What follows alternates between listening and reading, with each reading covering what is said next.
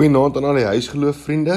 Ek hoop julle het 'n lekker vakansiedag gehad vandag en dat julle 'n lekker lang naweek gehad het en dat julle uitgerus is so ook vir die skool wat wat môre weer moet begin. Vandag staan ons weer stil by lydingstyd. Ons sien hoe Jesus ons verander en vanaand se tema is before and after. Nou ek dink baie van julle het al 'n before and after foto gesien. Baie van julle sal al gesien het op sosiale media almal wat hierdie tande opsit, hoe die hoe, hoe die persoon se tande gelyk het voor die tyd en hoe die persoon se tande gelyk het na die tyd. En dan sê hulle maar jy moet hierdie tandepasta gebruik om om dit te kan regkry.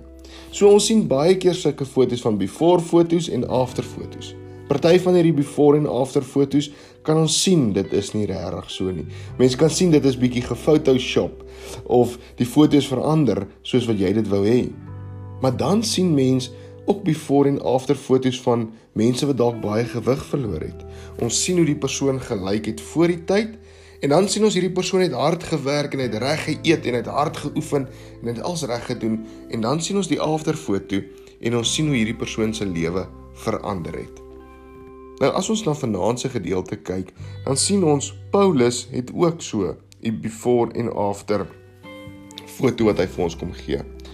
Maar wanneer dit kom by by Jesus se before en after, dan is daar net een persoon wat dit vir ons kan doen.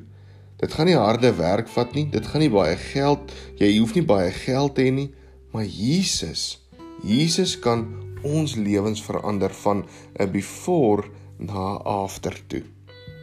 En dit is deur Jesus se kruisiging, sy sterwe en sy opstanding.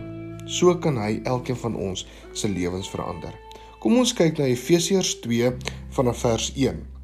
Dit begin deur te sê: "Julle was dood as gevolg van julle oortredings en sonde, wat voorheen julle lewenswyse gekenmerk het.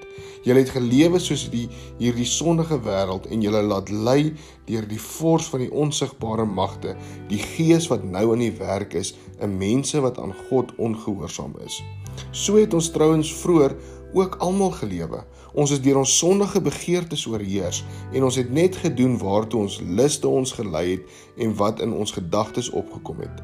Vanweë ons sondige natuur sou ons net soos die ander mense deur God gestraf moes word. En hier kom die afte. Maar God is ryk in barmhartigheid en het ons innig lief. Deur sy groot liefde het hy ons wat dood was as gevolg van ons oortredinge saam met Christus lewend gemaak. Uit genade is jy gered. Ja, in Christus Jesus het hy ons saam met hom opgewek uit die dood en ons saam met hom 'n plek in die hemel gegee sodat God ons in die tye wat kom sou laat sien hoe geweldig groot sy genade is deur die goedheid wat hy aan wat hy in Jesus Christus aan ons bewys het. Daar's so vier vrae waarby ons gaan stil staan vanaand. Die eerste vraag is: maak 'n lysie van hoe ons bevore lewe voor Christus gelyk het. Vraag 2 is: maak 'n lysie van hoe ons afterlewe, hoe lyk ons lewe nou nadat Christus deel is van ons lewe? Die derde vraag wat ons kan vra is: wie het hierdie verandering in jou lewe gebring? Wie het hierdie after in jou lewe ingebring?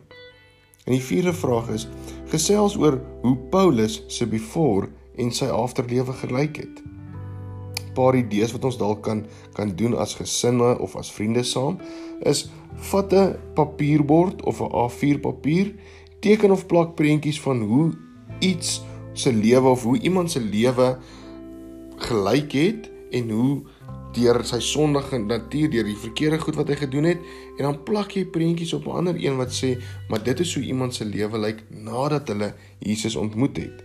Ander ding wat ons saam kan doen is gaan soek 'n ware verhaal van mense wie voor Jesus en na Jesus se lewe radikaal verander het. Gaan soek 'n bietjie verhale wat jy kan sien dat mense se lewens was so gewees voor hulle Jesus ontmoet het en nou lyk hulle nou lyk hulle anderster. En dan kan jy dalk vir jou 'n bietjie 'n playlist van musiek wys van of 'n playlist van musiek maak van hoe mense lewe nadat Jesus hulle gered het en deel dit dalk met jou vriende om of vertel vir mekaar wat het met jou gebeur nadat Jesus in jou lewe ingekom het. Kom ons bid saam. Here, dankie dat ons weet dat U het aarde toe gekom. U het vir ons aan 'n kruis gesterf. U het U is begrawe, U het opgestaan, nie opgevaar. Dankie dat daardie lyding ons lewe kan kom verander. Kom soek nou in ons lewens in en kom verander ons lewens. Amen.